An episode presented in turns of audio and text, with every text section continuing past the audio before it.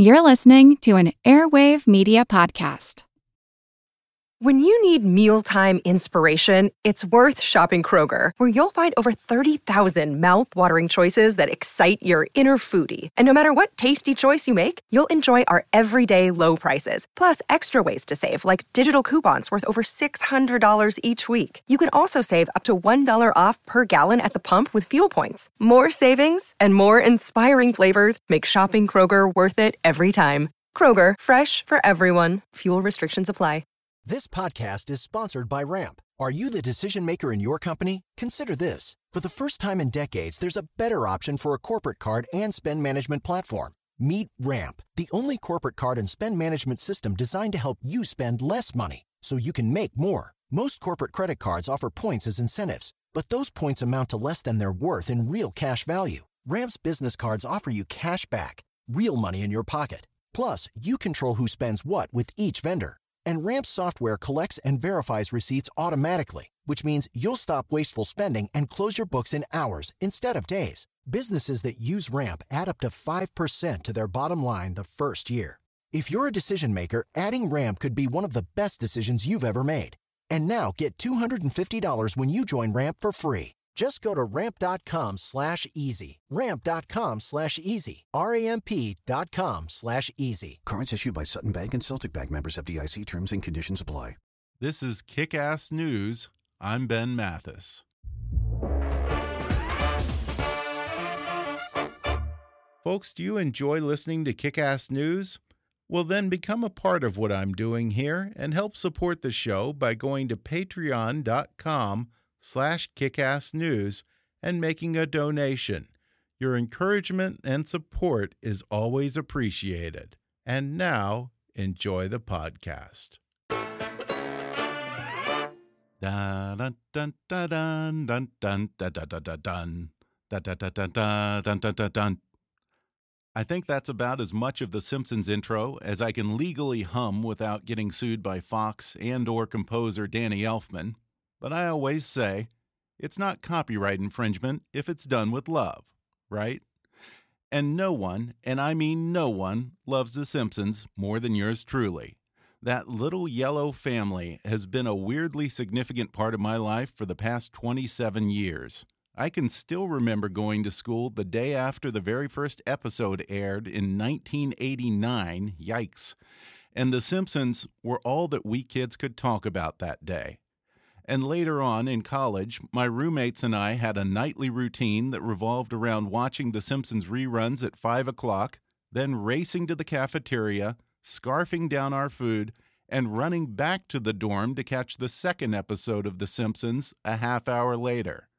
Come to think of it, that may have been the only exercise I got all four years. Even today, I still consider The Simpsons appointment television and an essential part of my Sunday evening ritual. For my money, it's still the best damn show on television and probably the greatest TV show of all time. And you know, Time magazine agrees. In 1999, they named The Simpsons the 20th century's best television series, and in that same issue, Time included Bart Simpson in their list of the 100 most influential people of the century, the only fictional character to make the Time 100 list. In 2008, The Simpsons placed first on Entertainment Weekly's list of the top 100 shows of the past 25 years and named Homer Simpson the greatest character of the last 20 years. TV Guide named Simpsons as the greatest TV cartoon of all time and the 10th greatest show of all time. This is to say nothing of all the awards heaped on The Simpsons, including 31 Primetime Emmys, 30 Annie Awards, and a Peabody Award. It's by far the longest running primetime series in television history, now entering its 28th season. Just to give you a reference point, no other television show has ever lasted longer than 20 seasons. But the impact of The Simpsons goes far beyond mere accolades and records. No entertainment has influenced our society over the past three decades the way The Simpsons has both reflecting and influencing our culture with every single episode. Darren Franich of Entertainment Weekly has said, quote, The Simpsons turned hyper-referentiality into an art form, regularly packing in throwaway references to high and low culture right from the start. Indeed, Simpsons references have become such a part of our conversation that we almost forget their origins. And of course, let's not forget all of those signature catchphrases like Idly ho, neighborinos! Yoink! Ay, caramba! Mm. ha ha! Excellent. Several of the words that were first heard on The Simpsons have even been legitimized with inclusion in the Webster's and Oxford dictionaries, such as D'oh! and Meh. and of course, It's a perfectly cromulent word. as Mark Liberman, director of the Linguistics Data Consortium, once put it, The Simpsons has apparently taken over from Shakespeare and the Bible as our culture's greatest source of idioms, catchphrases, and sundry other textual allusions. The Simpsons has been no less influential within the entertainment industry itself. After all, would the Fox network still be around today if it hadn't had a runaway hit like The Simpsons to establish the fledgling network in the early years? And as the first primetime animated series since The Flintstones aired 30 years prior, The Simpsons both paved the way and set the standard for adult animated shows that would follow, including South Park, Futurama, King of the Hill, and of course Family Guy, which frankly we all know is a blatant ripoff of The Simpsons. It's also been credited with influencing live action series like Malcolm in the Middle and The Office, and The Simpsons Writers' Room has been a famous breeding ground for some of the funniest talents in Hollywood, including Conan O'Brien. Today I'll talk with the man who acts as part impresario, den mother, and drill sergeant over that writer's room, Al Jean. He's won eight Emmy Awards, a Peabody, and a Cable Ace Award. Remember those? And he was a writer on The Simpsons from day one. He's now overseen the show as head writer, executive producer, and showrunner on The Simpsons for most of its 28 seasons. Al Jean still remembers watching the first finished episode titled Simpsons Roasting on an Open Fire and thinking to himself it was the greatest project he had ever been involved with and he wanted to work on The Simpsons for the rest of his career. Even though he was only 27 at the time, he had racked up an impressive list of credits. Like many comedy writers, Al Jean honed his funny bone in college writing for the legendary Harvard Lampoon, where he met his writing partner, Mike Reiss. Upon graduating from Harvard, they worked for the National Lampoon magazine until they got a gig writing jokes for the movie Airplane 2, and they were suddenly bit by the Hollywood bug. They wrote for the groundbreaking news parody show Not Necessarily the News, one of HBO's first forays into original programming. After that, he and Mike Reiss wrote for the short lived but hilarious TV series Sledgehammer, which was one of my childhood favorites. And that's when they were brought on to The Tonight Show to write sketches and desk bits like Johnny Carson's famous Karnak routine. And in a more subtle way, to lend a younger, edgier humor to Carson, who wanted to stay relevant and keep up with the hot new guy on the late night scene, David Letterman. Following a brief, awkward interview with Johnny himself, the head writer hired Al Jean and his partner Mike Reiss and told them not to get too comfortable because they'll probably be fired within 13 weeks. Writers were hired, fired, and rehired on The Tonight Show all the time back then. But Al and Mike managed to hang in there for two whole years before going on to write for the hit NBC sitcom Alf, and then working as writers and producers on the groundbreaking It's Garry Shandling's Show, the revolutionary single camera comedy that would prove to be greatly influential on their next series, the most iconic and longest lasting show of all time, The Simpsons. Today, I'll talk with Al about his early years on The Johnny Carson Show, including his favorite Karnak joke, writing those famous letters to Santa that were supposedly from little children, and putting on a talent show for Johnny. Then we'll get into the early days of The Simpsons and how many of the characters evolved from bad celebrity impressions by Hank Azaria. We'll discuss some of the early controversies that surrounded the show, including a strange rivalry between the fictional Simpsons family and the first President Bush. And I'll ask Al Jean if Rupert Murdoch has ever tried to censor some of the show's light-hearted jabs at Fox News. He'll talk about the process in the Simpsons writers' room and how they practically invented the VCR moment, packing every episode with more jokes than you could even catch in one viewing, and the challenge of keeping the show fresh after 625 episodes. We'll talk about the fans and some of their more interesting conspiracy theories that range from one that Homer has actually been in a coma since 1993 to claims that The Simpsons predicted 9 11 and even a Trump presidency. Plus, Al will reveal how he'd like to one day end the final episode. Not that they plan on ending the show anytime soon, he says. Coming up with Simpsons head writer and executive producer Al Jean in just a moment.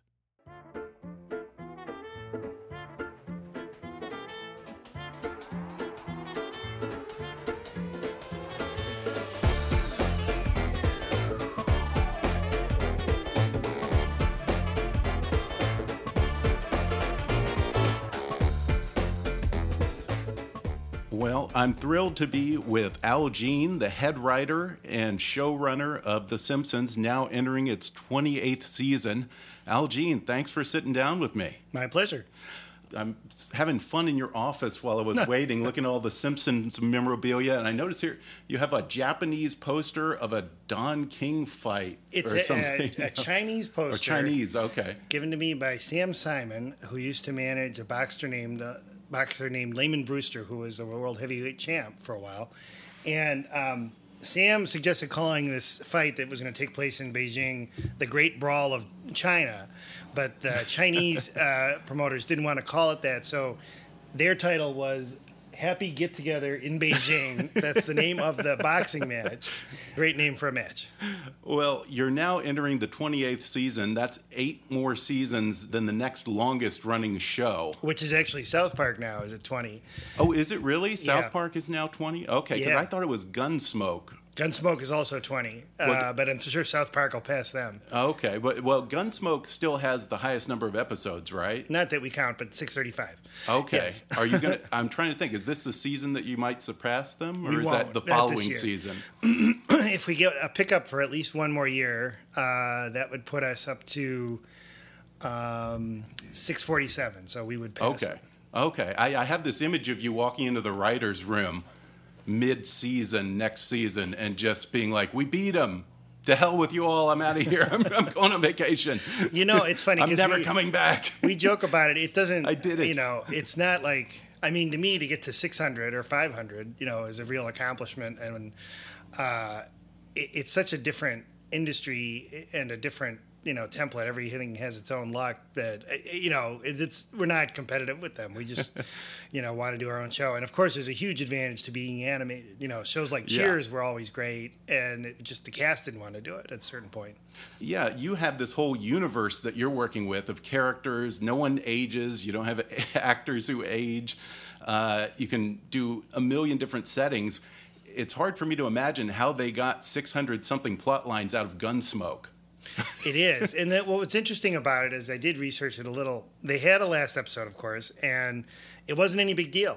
You know, it was the longest Yeah. running show until that point, or until this point, and they didn't have, uh, you know, the 600th or 500th episode wasn't a milestone. It was just you just did television shows. You know, the first Yeah. time I remember uh, something being a milestone, I think, was maybe the 200th episode of Cheers, and the first last episode Yeah. that was prominent was the last episode of The Fugitive, and then the last episode of Mary Tyler Moore, and then it became a thing. And how do you end your series? And you know what they started, it wasn't at all. You know, there was no end to I Love Lucy. Yeah, yeah. Well, you know, you came out, gosh, I guess when at the at the, the end of the 80s. You and- 89 in December was the Okay, first Christmas but show. you came out to Hollywood originally Oh. with uh, Mike Reiss, your writing partner. Y'all had been in uh, 1982, we Okay. were working on Airplane 2. That's the bad one of the airplane movies. yeah, that's And- the space shuttle one, right? Yeah. okay. It's a it's a good movie if you never saw Airplane One, um, and that was our first uh, writing job in L.A. And um, we worked for not necessarily the news on HBO, which was a great show. Um, Sledgehammer, Alf. Oh, uh, I remember loving Sledgehammer. What happened to that show? Did that last very long? Well, it was funny. It was It was hilarious. the first year, back when this was a huge thing, Miami Vice was on. Uh, Friday nights, and they put it against Miami Vice and Dallas. I think was also against. So it had a terrible slot, And the second season, they put it against the Cosby Show, which was at its height. So, Okay. um, you know, it really didn't Wow. have much of a chance, but it was Yeah. a really cool show. And Yeah, it was a funny show. The star David Rasche, really, really funny guy. Yeah, and then you worked, I think, on the Tonight Show, right? Pre- previous to Sledgehammer, we were at the Tonight Show. Okay. Uh, from '84 to '86, when Carson was the host, and um, it was a great job to have had. I don't, I can't say I knew him well. Yeah. We saw him maybe three times the whole period we worked there in yeah. person. Yeah. What was the interview with Carson like? This is already longer than the interview with Carson. Is that we um, uh, we uh, were told, you know, just uh, you know, don't say much. You know, he'll he'll just kind of look you over. He made a joke about how young we were, uh, and he was just like being a guest on his show, sort of. You know, you're sitting on a couch and talking to him for about five minutes, and he he winked, and we, we said it was a really pleasure to meet you, and we got the job, and never saw him again, pretty much. Yeah, and what did uh, someone say to you? They said, "Welcome to the show. You'll be gone in 13 weeks." Many Because he people- fired writers all the time and then rehired them. they were rotated. I never knew because you never talked to him directly what whether it was him or the head writer or why writers were rotating, but it was 13 week options and we lasted a year and a half, which we thought that's pretty good. Yeah, that's a good Um, run. And we were actually we were let go, but then they offered to uh, have us come back as they, they did, and then we were already working on Sledgehammer, so we couldn't. okay, and you didn't do the monologues, right? No. You guys wrote uh, the the wrote bits, the, again, sketches, the, then un- the the desk unfunny part. Yeah. Okay. the um, Karnak. Uh, but uh, Yeah. a little secret is Carson hated Karnak. He thought it was like a day off for the writers. but it that was, easy. everyone's favorite bit. He never felt that way. Really? and then um, we worked on uh, you know Art Fern and the Tea Time Yeah. movie and Floyd R Turbo and uh, all of the rip-off ones where he where he steals someone else's act. it's correct. Those voices were Art Fern was Jackie Gleason, Yeah. Turbo was Tom Smothers. Aunt Yes. Blabby, uh, That Jonathan that- Winters. That was actually kind of a more bitter thing where he took the voice and Jonathan Winters was never on the show again, uh, as, Oh. as I understood it. Yeah. Oh wow, that's a little dark. And not only would the writers write the jokes, but they would write the savers for the jokes. And you guys somewhere to, to a degree. I mean, Yeah. he was really funny, and he didn't need anybody saving him from anything. Okay. But, But you when would you, write had when you had for Karnaks, you'd- when you had Karnaks, you would write savers like Karnak going down Cairo Casa de Caca or something that he could, you know, you were planning on it bombing, um, and then you would we they called civilians, which was people who weren't in showbiz uh, were on the show, like. A woman with a potato chip collection. Right, I remember that. Then, then you would write him uh, lines in case it was a little tough. But when it was a standard guest, you know, like a Charles Grodin or something, you didn't write anything for him. Yeah, and and somewhere I heard that you guys actually wrote the letters from children to Santa Claus one year. That is year. true. Yeah, every year they'd The- go. those Johnny and the, on the air would go. letters from children written to Santa Claus. They were supposed to be they were funny. supposed to be cute, and, and Yeah. you know, the New York Post Office would collect letters addressed to Santa, and Johnny on the show would always say, "You can't make this up." And then one year, the head writer said, "The, the kids' letters talk. You got to make them up." The so we did. We, we wrote the, the letters and the and the jokes about them, which was easier. Did you have a favorite Karnak joke that you and Mike wrote? We did, but it, it didn't air on the Tonight Show. It was St. Elsewhere. Uh, What's the message on Mother Teresa's answering machine? uh, not real '80s joke, but it was. Uh, it not for some reason Carson turned it down, and uh, we, we did an Alf episode uh, where Alf pretended he was the host of the Tonight Show, and we used it I on remember that. that one. Okay, yeah, I, I think I remember that one. Yeah, the Alf people were doing that episode and said, "Hey, want to use your old material that you know never aired?" And we said, "That sounds like us." Let me ask you, because I, I always heard that Johnny would make the staff perform in a talent show. Once a year for the the anniversary Well, party of the show. there- again, would it was force like- them to get up and entertain. It was like you can't make this stuff up. Where there was a talent show. Some people did it um, because they wanted to after the anniversary show. This was at the private party at the Beverly Hills Hotel. But then he would also one year he he said uh, to my writing partner Mike Reiss and I we had to perform. We didn't volunteer, so we did a little act and got some laughs. And then at the end, Carson said, "Don't quit your day, jo- don't quit your day job." After which he fired us from our day job.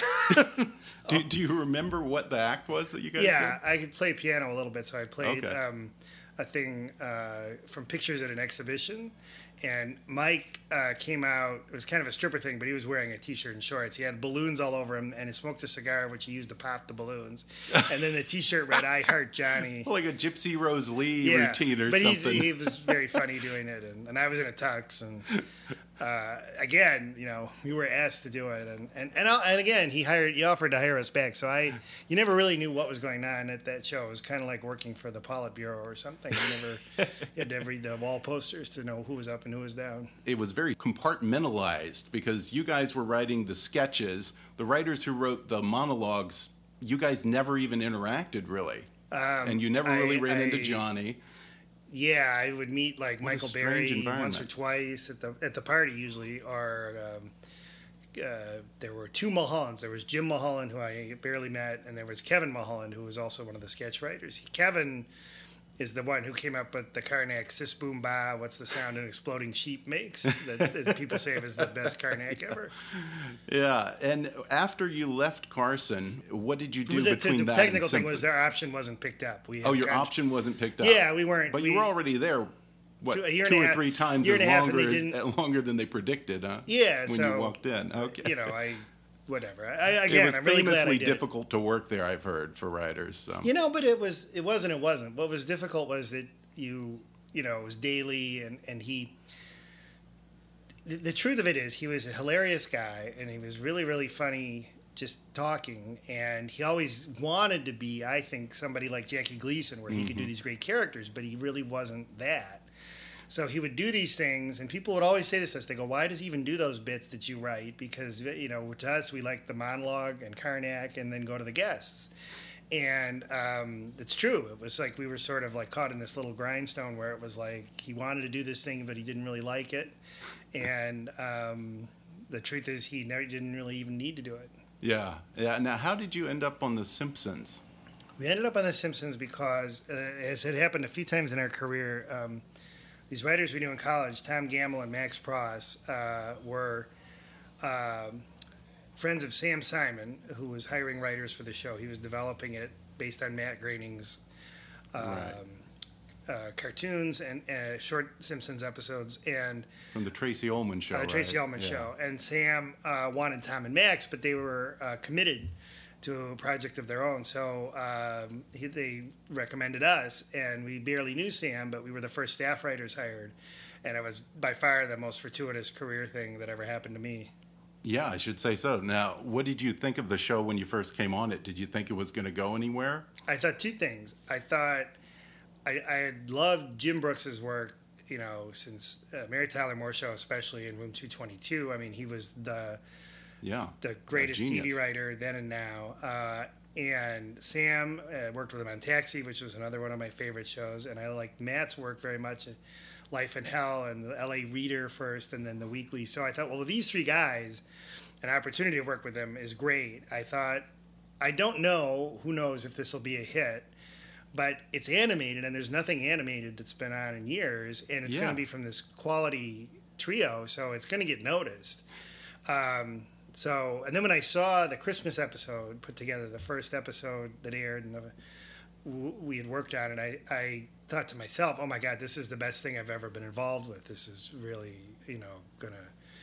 And I knew it was a hit. I went to Disney World, and they had a um, Simpsons jacket, and people were coming up and asking about it, and you know, you go, you thought, "Oh my gosh, it's it's, you know, this is." So, I mean, for was a the first- phenomenon. it was. It was From, like from the I- day one. yeah, I mean, you know, I wish everyone in their life would have at least one thing like we had that at the beginning there, where it was just unbelievably popular. I would literally walk down the street and you'd hear people talking about it. And um, my fear at the time, um, when we started to run it in season three, was, as I said, we'd worked on Alf, and Alf was a top ten show in season two when I was there full time by the end of season four, it was off the air, and Mork Right. and Mindy had a similar arc, and shows that had an audience that was, uh, you know, a lot of kids in it, uh, would often be meteoric uh, in their Yeah. ascent and descent. And I was really nervous that The Simpsons would be a similar fast fate. So um, we just, you know, seasons three and four, and everybody who's worked on it then and since has just been, you know, so concerned with keeping it good and popular. Yeah, and I think you've done a fantastic job keeping this fresh over the years. And it is funny because, like, yeah, kids can be so fickle.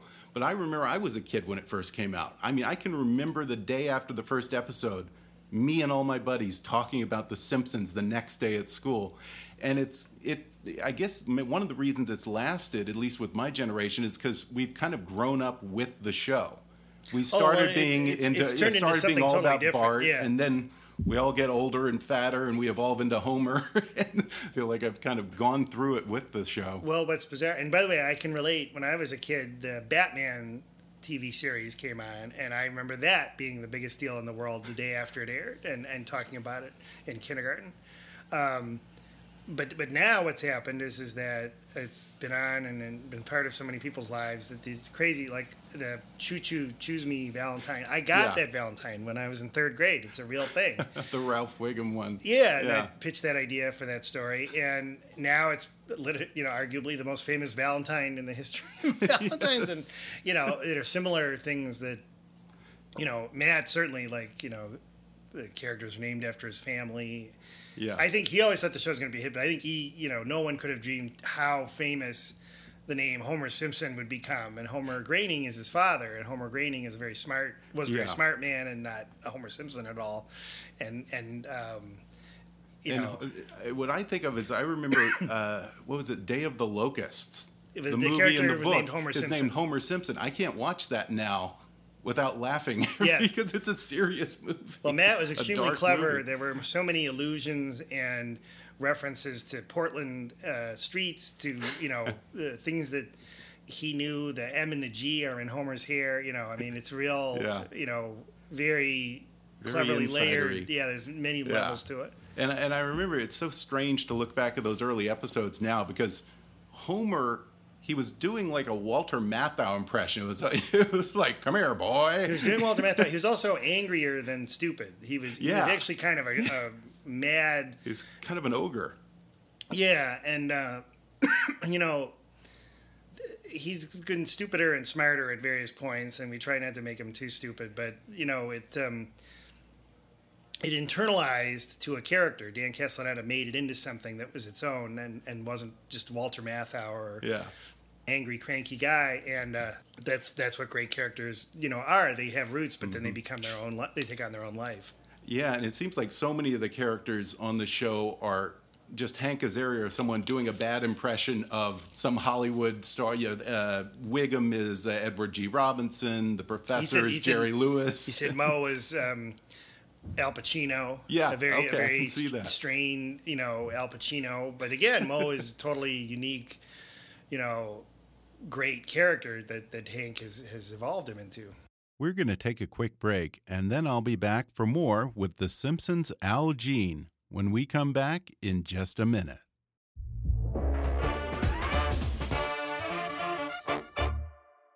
Hey, folks, do you like reading but find it's getting harder and harder to make time to curl up with a good book? Well, there's a solution. Give audiobooks a try. They're perfect for your commute to work or working out at the gym, a relaxing bath, or any time, really. And right now, you can take an audiobook for a spin with a special promotion just for our listeners from audible.com. Just go to audibletrial.com slash kickassnews to get a free 30-day trial and download any of Audible's 180,000 titles entirely for free. That's audibletrial.com slash kickassnews or click on the sponsor link on our webpage to download the free audiobook of your choice. And now back to the show. Yeah, I can remember in those early days all the controversy around the show. You know, what was it? Wasn't there a controversy with Bush? Where the, There uh, was, the with the C. fir- the first Koop Bush- uh, the first like Bush everyone was criticizing it. The first Bush, who's a Democrat now today, voting for Hillary. yeah, Bush 41, yeah. who um but see I, this is what i always thought I, he's a smart guy and he's got a sense of humor he did a line at a convention saying ah, america should be more like the waltons than the simpsons i doubt he had seen the simpsons and i think somebody said oh this will get a big applause line from the right-wing crowd and you know, then we had a re- that had to do a re- response. So we just said, well, uh, we're like the Waltons. We're praying for an end to a depression too. Um, but uh, And I think Barbara criticized you. And wasn't there something with C. Everett Koop where he was visiting a sick kid and there was a poster of Bart? Oh, I don't know about the? Koop one. Or I, maybe it was someone else like that. Someone in the administration. I thought it was C. Everett Koop, Coop for was some weird reason. because he was Reagan. I thought he was oh, earlier, okay. but I don't. Okay, yeah. I'm not Barbara sure Bush was. criticized this, Yeah. and then we wrote. Uh, Jim Brooks wrote a letter as Marge to Barbara saying, I, "You know, we're just mothers, like you and I, trying to you know raise our families." And and then Barbara Bush wrote a, a not gracious response to that. And then um, I think he find the first Bush finally watched it when the episode aired uh, where Homer was his neighbor, and, and Oh, his supposedly that's his one of my favorites. He was that's the stupidest thing I've ever seen. Oh, he said that? And then our response is, well, take a look at your son. Yeah. you know, I don't know. It could go on forever. I, I actually, the Bush 41, I don't, I, there's a lot I admire about him. I, you know, what happened subsequently, I think is, is sad, but Yeah, yeah, and uh, that episode is one of the silliest episodes and funniest episodes. Is where I'm sure people know it. Where Bush, I guess Bush, once he's out of Once the White House, he retires and moves across the street, and he has this rivalry with Homer Simpson. Uh, and uh, the the best thing is the button at the end when Homer finally drives him crazy and he leaves the neighborhood in a huff. Next thing you know, uh, Gerald Gerald, Ford Ford, moves in. and Homer and Gerald Ford end up being best buddies. yes. Well, it was another, you know, it's funny. I think about, I we didn't, I couldn't vote when Ford ran, but I liked Ford and I would have voted for him. And, uh, you know, how the media has these narratives where they, the Yeah. narrative with him was he was stupid and clumsy. And I go, he's n- neither of those things. He Yeah. went to Yale Law School and he was a football player. And, um, it's it's just funny how uh, you get these perceptions, these comic perceptions, and they're not true at all. Now, at a certain point, I guess you you guys were showrunners on it pretty early on, and Season then three and four, yeah, and, then, Jim Brooks wanted us to do the critic. Uh, wanted us to create our own Oh, animated show. okay. So that was his left. idea. That wasn't you guys. I never wanna You didn't want to leave Simpsons. No, kicking and Oh, I didn't know that. Well, we stayed as consultants, and then we went to right. Disney because there are already showrunners in place. And at Disney, we had a deal that allowed us to produce our own Simpsons, which included the X Files crossover and the Lisa Yeah. Sax episode. And then um, after the Disney deal expired, uh, Mike Scully was running it, and I was offered a chance to return, and I said absolutely, and I haven't left. What didn't work with the critic? I mean, now it's gotten kind of a cult following, but it only lasted a well, season. they were the biggest problem was it was on the wrong network initially. It was on ABC Oh, because that was a network Jim Brooks had to deal with, and we wrote it like The Simpsons. But it was put after Home Improvement, a huge hit, and you know I'm not blaming anyone but ourselves. We didn't c- carry the lead in of that show. Mm-hmm. Uh, you know, we didn't hold on to it. Uh, what's really funny is if you look at the actual numbers we got, they would be huge hits. like we got 8.6s or something, and oh yeah. yeah. um, Then it was moved to Fox, and it actually was a success on Fox after The Simpsons. Ratings wise, it was doing wa- fine, and it was canceled because the person that bought it uh, then wasn't president of the network, and you know usually that often means that their projects get taken off the air. So that was Yeah. So it, it didn't work, and then it did, but that it's a very common story in a lot of Yeah, I, I feel like I had the same problem with the critic that I had with that I have with Family Guy, in that unlike The Simpsons, it stops everything for a gag. well, in the middle of- I of- wish, I of a wish we had the problem you of? Family Guy's longevity and success. Oh, right. Yeah, yeah, exactly, exactly. The Right. um, I mean, the biggest thing with the critic, we did testing, and it was very eye opening because what what it was was we made the character kind of pathetic and Mm-hmm. whiny, and I, you know, Jon Lovitz is really funny, and and Yeah. what we didn't capture about Jon is that he has this great confidence.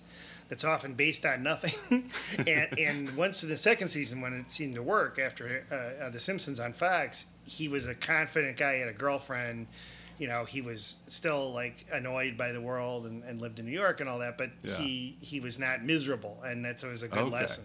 Now, when you came back to The Simpsons, was that a happy moment for you? I assume. Oh, It was- I was so happy. I remember it was uh, it was July first, nineteen ninety eight, and I came in and I was like, I missed this so much. the the re- the best thing about it, or one of the best things, was when you're out, you know, trying to do your own show, you get all these notes from the network. You get like dozens, literally dozens of executives telling you what to do, and they conflict with each other, and nobody really Mm-hmm. Everyone knows. has what, notes. Yeah. Whereas with The Simpsons, you, it makes money. People know what's good about it, and you don't have to justify it. You can just do what you think is good. You've never gotten a call from Rupert.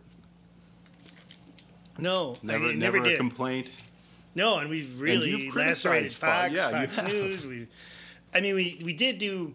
We had a thing where we had a helicopter that said Fox News, not racist, but uh, number one with racists. And then uh, we did two more. They, you know, there was like a controversy, and Bill O'Reilly, you know, knocked us. So we did two more Fox Yeah. helicopters, and then somebody said, "Okay, you did three.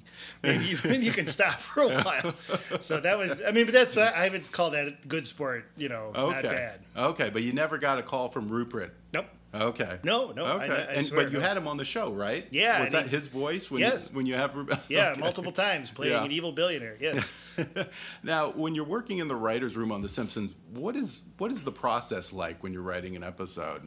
How does it begin? well, uh, the writer or team of writers, a pair of writers, comes up with an idea for an episode, and uh, we have a retreat every year. Matt and Jim and I, you know, listen to the stories, and the ones that have promising, we turn into uh, full fledged, you know, beginning, middle, and ends. You know, maybe a B story, and the writer goes off and does a first draft. and then it's completely rewritten about a dozen times by the writing staff. Uh, every every script, mine or anybody else's, just gets you know put through this process, which I think makes it much much better. We read it at the table with the cast, and we see what works and what doesn't. We get their input. We uh, revise it and record it on the following Monday. The reads are on Thursday. It goes to the animators who do storyboards, which are now on an iPad, so that you can actually kind of see them animated, which has really Yeah. helped the process. And you rewrite those. Uh, this is like the one change in the last, you know, five years that makes us, you know, even sort of more streamlined than we've been, you know, would been in the years prior. Then we have an animatic, which is a rough screening with the writers. Uh, we rewrite that. We have a color screening. We just had one today for a show that'll air in December, and you can still make some changes. It's a lot harder in the color. It's a lot more expensive to change, so you do Yeah. minimal changes then. But you could really. My joke is always we did a show about the Soviet Union. Uh, joke in, at the show that by the time it aired, we had to change the joke because the Soviet Union had broken up. Yeah, I mean, for a writer, it must be a torturous process. If you write a gag or a joke that works in the room, then you have to wait for the actors to record it so you can hear it. Then you have to wait, what, a month or so for the animators to, to actually. Well, but there's usually we do things that are pretty timeless. Like we do have a show coming out where Castro's alive, so it's like hold on one more month. Uh, but you know, I think it makes it better because the the the thing about it is is that you get perspective. You get a couple months where you haven't worked on it, and you come back and you work on the show again, and you can see what works and what doesn't, and that is invaluable. Yeah, and when you plan out a season, you know, it's not like an ordinary show where you have an arc to the season. Do you just start banging out ideas, or do you say, okay, we need so many spoof episodes, we need Never. a Burns episode? No, there's no quotas. Okay. And we don't do arcs. There's a couple reasons. Um, I mean, we didn't at the beginning, it was the main reason. But this, the other reasons I would say are, I, I know I love shows that have arcs. Some of my favorite shows ever are like Mad Men and The Sopranos. But for us, uh, I think that there's a great quality that it, it's interchangeable. That the show from season two to Yeah. season 22 is kind of the same. And uh, you know, my ending for the series, if we should ever end, would be that we go back at the very end of the Christmas pageant that opened the series, and it's all a loop. That there's no ending and no beginning. And um, Yeah, I because think if one they reason- never age, you could do that. yeah, I think we, the one reason Yeah. we've lasted so long is because we don't have, you know, shows with arcs. Uh, some of them don't syndicate as well because Mm-hmm. people know what happens at the end, and they're like, "Well, I know that story." And you know, we like to just have the ability to shift shows and not like Yeah. we don't we don't say this is going to happen, then that's going to happen, and and I don't. You know, I mean, some have been forced upon us, sadly, by like Marcia Wallace passing away. But Yeah, yeah, and it must be. I mean, it's great that any one episode can stand on its own. You can Oh, ju- you that's- can that's jump into like. the show No. any point y- that you want. and I feel like you know whatever I do, whoever took over, they still have the same basic template, and they Mhm. could they could you know do whatever they wanted, and I haven't you know altered it irrevocably for them. Yeah, but after 28 seasons, it must be really hard for you guys to come up with new storylines. That's the hardest not part of the repeat job. yourself. Yeah, I'm sure. it's it's hard, and um, but that's why you know it's a it's a good job. I mean, it's because the people you know sit and think and and you know make it better. Yeah. And uh, you know, it's about a family, and everywhere in the world, Yeah. people have families, and you know, the families have problems that they didn't you know 30 years ago. So it's always something. How do you keep from repeating gags? I mean, do you do you have a database that you check It's just when our you're writing memories, an mine episode? and Matt Selman and, and Yeah. our writers, and uh, we have. I mean, there have Oh, been really? repeated things, but I'm always embarrassed. It's not too many, fortunately. Yeah, yeah, none that I've noticed. Um, you have so many of these text gags that are put into the show, for, not just from the chalkboard scenes, but the, any marquee and so forth. And I guess you guys really created the VCR joke or the VCR we, moment. we certainly we certainly took advantage of it. We Yeah. knew that there would be things you couldn't possibly see, and that you could, you know, when we began, VCRs were definitely omnipresent, and now TiVo and anything else. So that was our goal was to, Yeah. you know, and and it's advanced so much. I mean, shows again like Mad Men have so many layers to them and things that you really have to watch twice at least Yeah. before you understand what's going on. Some of those text jokes kind of, I guess, get lost because people don't even pay attention sometimes. Unless you're a hardcore fan, you stop and you read those. Do you ever feel like you waste a lot of good material there? No, no. I mean, if it's there and somebody can possibly get it, it's worth it. Yeah. Now, what are the fans like when, the you, ones when I've you run met into and the them? ones that I hear from on are Twitter they are- crazy? no, they're great. I Yeah. mean, again, one of the best aspects of the job is that people will say, honestly, I've had this said to me that that you know during a tough time in somebody's life that The Simpsons helped them get through it, and I go, Really? wow, that's wonderful. are you amazed by some of the minutia that they throw at you? Yeah, they know remember they remember the more than? I do, and they know more. And Yeah. I, I mean, uh, but again, I remember when I was a kid and how much you know people loved Sherlock Holmes, and I and I thought, you know, Mhm. wow, I mean, that's the mark of something that's good is that people really care about it. Yeah, and they care so much that these conspiracies seem to pop up. Uh, I was interested to read, I guess they're conspiracy theories that Homer's been in a coma since 1993 and that Homer is secretly Well, there- Krusty the Clown. Two, two, uh, two different things. The coma, you know, that it would mean that everything that that we planned something that we didn't tell anybody, and that every showrunner since, you know, adhered to it. That isn't true and never was. The Krusty thing, it is true that when Matt designed Krusty, he put Homer's design in a clown suit on top of it, and and originally, again, he had a lot of little ideas that you know he was planning. One was that Krusty would turn out to be Homer, like a secret identity, but he's not. I mean, you know, now just the designs look alike. Yeah, and wasn't one of his other plans that at the final episode, uh, Marge was going to turn out to be a rabbit? She was going to have a reveal where she takes off her hair. But uh, yeah, I mean, obviously he thought that wasn't, you know, in line with the character anymore. Yeah, and, and some of these are actually serious conspiracy theories. There are these theories that you guys have somehow predicted 9 11 and the Ebola scare, and you and Matt Groening are, are, are in the Illuminati or something. it's it's different things. There's an insane, terrible coincidence. There was a Homer uh, Goes to New York episode written by Ian Maxtone Graham where uh, there was a pamphlet that said New York on nine dollars a day, and, and behind the nine were the twi- uh, twin towers that looked like an eleven, so it looked like a 9-11, and that aired in '98. It was an absolute Yeah. bizarre, terrible coincidence. Um, the Ebola thing was a show I wrote, but uh, what people forget is there was a movie that Dustin Hoffman Right. was in about Two Ebola. movies, in fact, I yeah, think, so it wasn't, it wasn't something time? that it was like never heard Yeah. of. So that was where that came Yeah. from. Then there were things though. We did, um, you know, have a joke about Trump being president, and oh, know, right, yeah. we and uh, did a World Cup show where it was in Brazil, and we thought that it'd be funny if the Brazilians lost. So we thought, well, who would win? Probably Germany. So we did predict that final, you know, correctly. So Yeah. maybe we are. I don't know. Yeah, there there are th- these theories that you guys are either, I guess, omniscient or part of the New World Order or something. So, I, I think if you say enough things, then some of them will come true.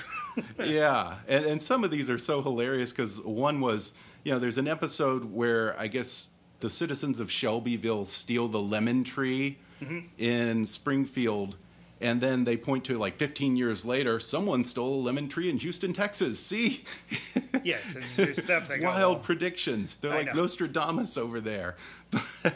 you know, one of the fun things that I enjoy is when I go overseas, different versions that you get when you're in Germany or Japan or France and hear the different voices. Yeah, they're great, and they and they have uh, terrific uh, actors and actresses playing them. And um, I cast voices for the Simpsons movie, and what I found was the hardest to cast by far was Marge. Really? To get that combination of warmth and humor, it was really you know, there were Homers that they didn't sound like ours, but they were really funny. You could tell the guy was funny, like if you would record the actor doing the falling down the cliff scene. But Marge was tricky. Yeah, and isn't it in France? I think the, the French Homer and the French Marge are married or something like Yes, that. that's really sweet. the voices. Yeah, and what does Homer say in Germany? He doesn't say D'oh. Oh, I don't know. Oh, okay. Somewhere I read that. I think he says nine or something like that. Wherever you go in the world and you work on The Simpsons, people are happy to talk about it with you. Well, you said that you could probably do this the rest of your life. I think you said that pretty early on in the beginning when And you I first never came on the dreamed it show. would really Uh, yeah, be a talk about omniscient. Yes. there Well, there go. was a film I just saw of me in season three saying it could run 20 years. So I, you know, but uh, now who knew? I I didn't. Yeah, and you know what happened? Because I remember it seems like about maybe five, ten years ago, the movie came out, and they Almost- were saying we were going to do 10. two more seasons and that's it, and then we'll do maybe a movie or two. And then I remember dreading that moment, and then. I don't know. One year, two year, three years go by, and I'm like, well, whatever happened to that? I guess No, no, no. The, the movie. One reason we did it was to, you know, help the show. Uh, you know, become re-energized and, and, and you know make The Simpsons a huge deal, you know, worldwide, and uh, it was a really big moment, and and you know it was never. No, no one that I know of is planning on, on ending it or planning how to end it. I mean, it, it you know, I'm not saying it won't end. Everything ends, but uh, there's no plan. Yeah. Now, do you think you might die on The Simpsons? You might die I- working I on believe- The Simpsons. I, I, mean, believe, I believe I will die Yeah, someday. yeah, you know, I'm, I'm no Nostradamus there, but these tech billionaires, they're working on extending longevity. You know, All right. Yeah, Elon Musk and those guys. So yeah, you never know. Yeah, you could be slaving away for Fox uh, forever. But Well, there are worse things, things, in yeah, life. exactly. yeah. Now, do you have a favorite character before we go? uh, I love writing for Lisa because when I was a kid, I was more uh, like the kid that would read. My sister was more like Bart. She was more, you know, like unruly, and she would say "rub a dub," thanks for the grub, for the, when she was asked to say. Oh, that's from your family. That, That was line. my sister. um, and I like comic book guy. You know, I loved comic books, and Yeah. you know, he's a voice for all of us. Yeah. Who? Where did the voice from comic book guy come from? I will tell you, he's a, a roommate or college dorm uh, mate of Hank Azaria's, and he would say if something bothered him, "You're on my list."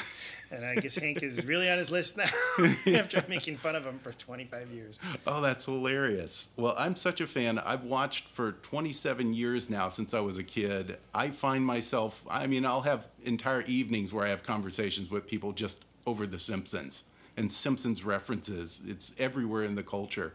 Uh, at one point, I feel like I have to go back and watch every episode because in life, every now and then I'll miss some type of reference.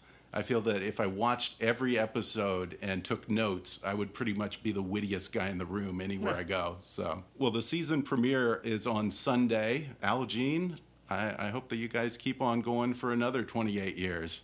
Uh, both the show and myself. Yes, Thank you. exactly. Thanks so much for talking My pleasure. to me. Thanks very All much. right. Thanks again to Al Jean for coming on the show. What a sweet and funny guy he is. And whatever you do, don't miss the season 28 premiere of The Simpsons this Sunday, September 25th at 8 p.m. Eastern on Fox. You can follow Al on Twitter at, at AlJean, that's A L J E A N. And you can even follow The Simpsons themselves on Twitter at, at The Simpsons. And for other cool stuff, visit the Ultimate Simpsons fan site at simpsonsworld.com. There's clips, trivia, they have character bios, there's cool insider stuff from the creators, including Al Jean.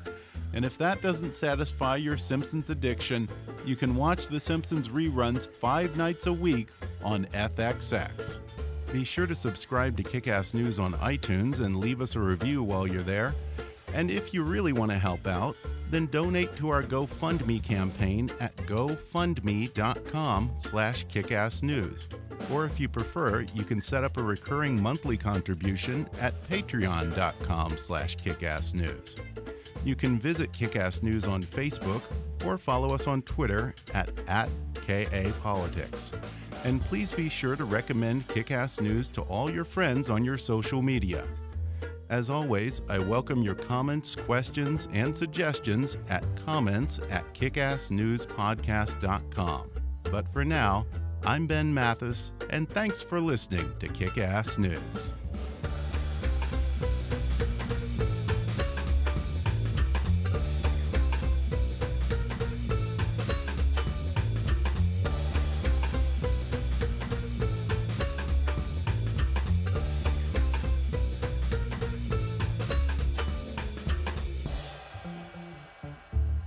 Kickass News is a trademark of Mathis Entertainment, Inc.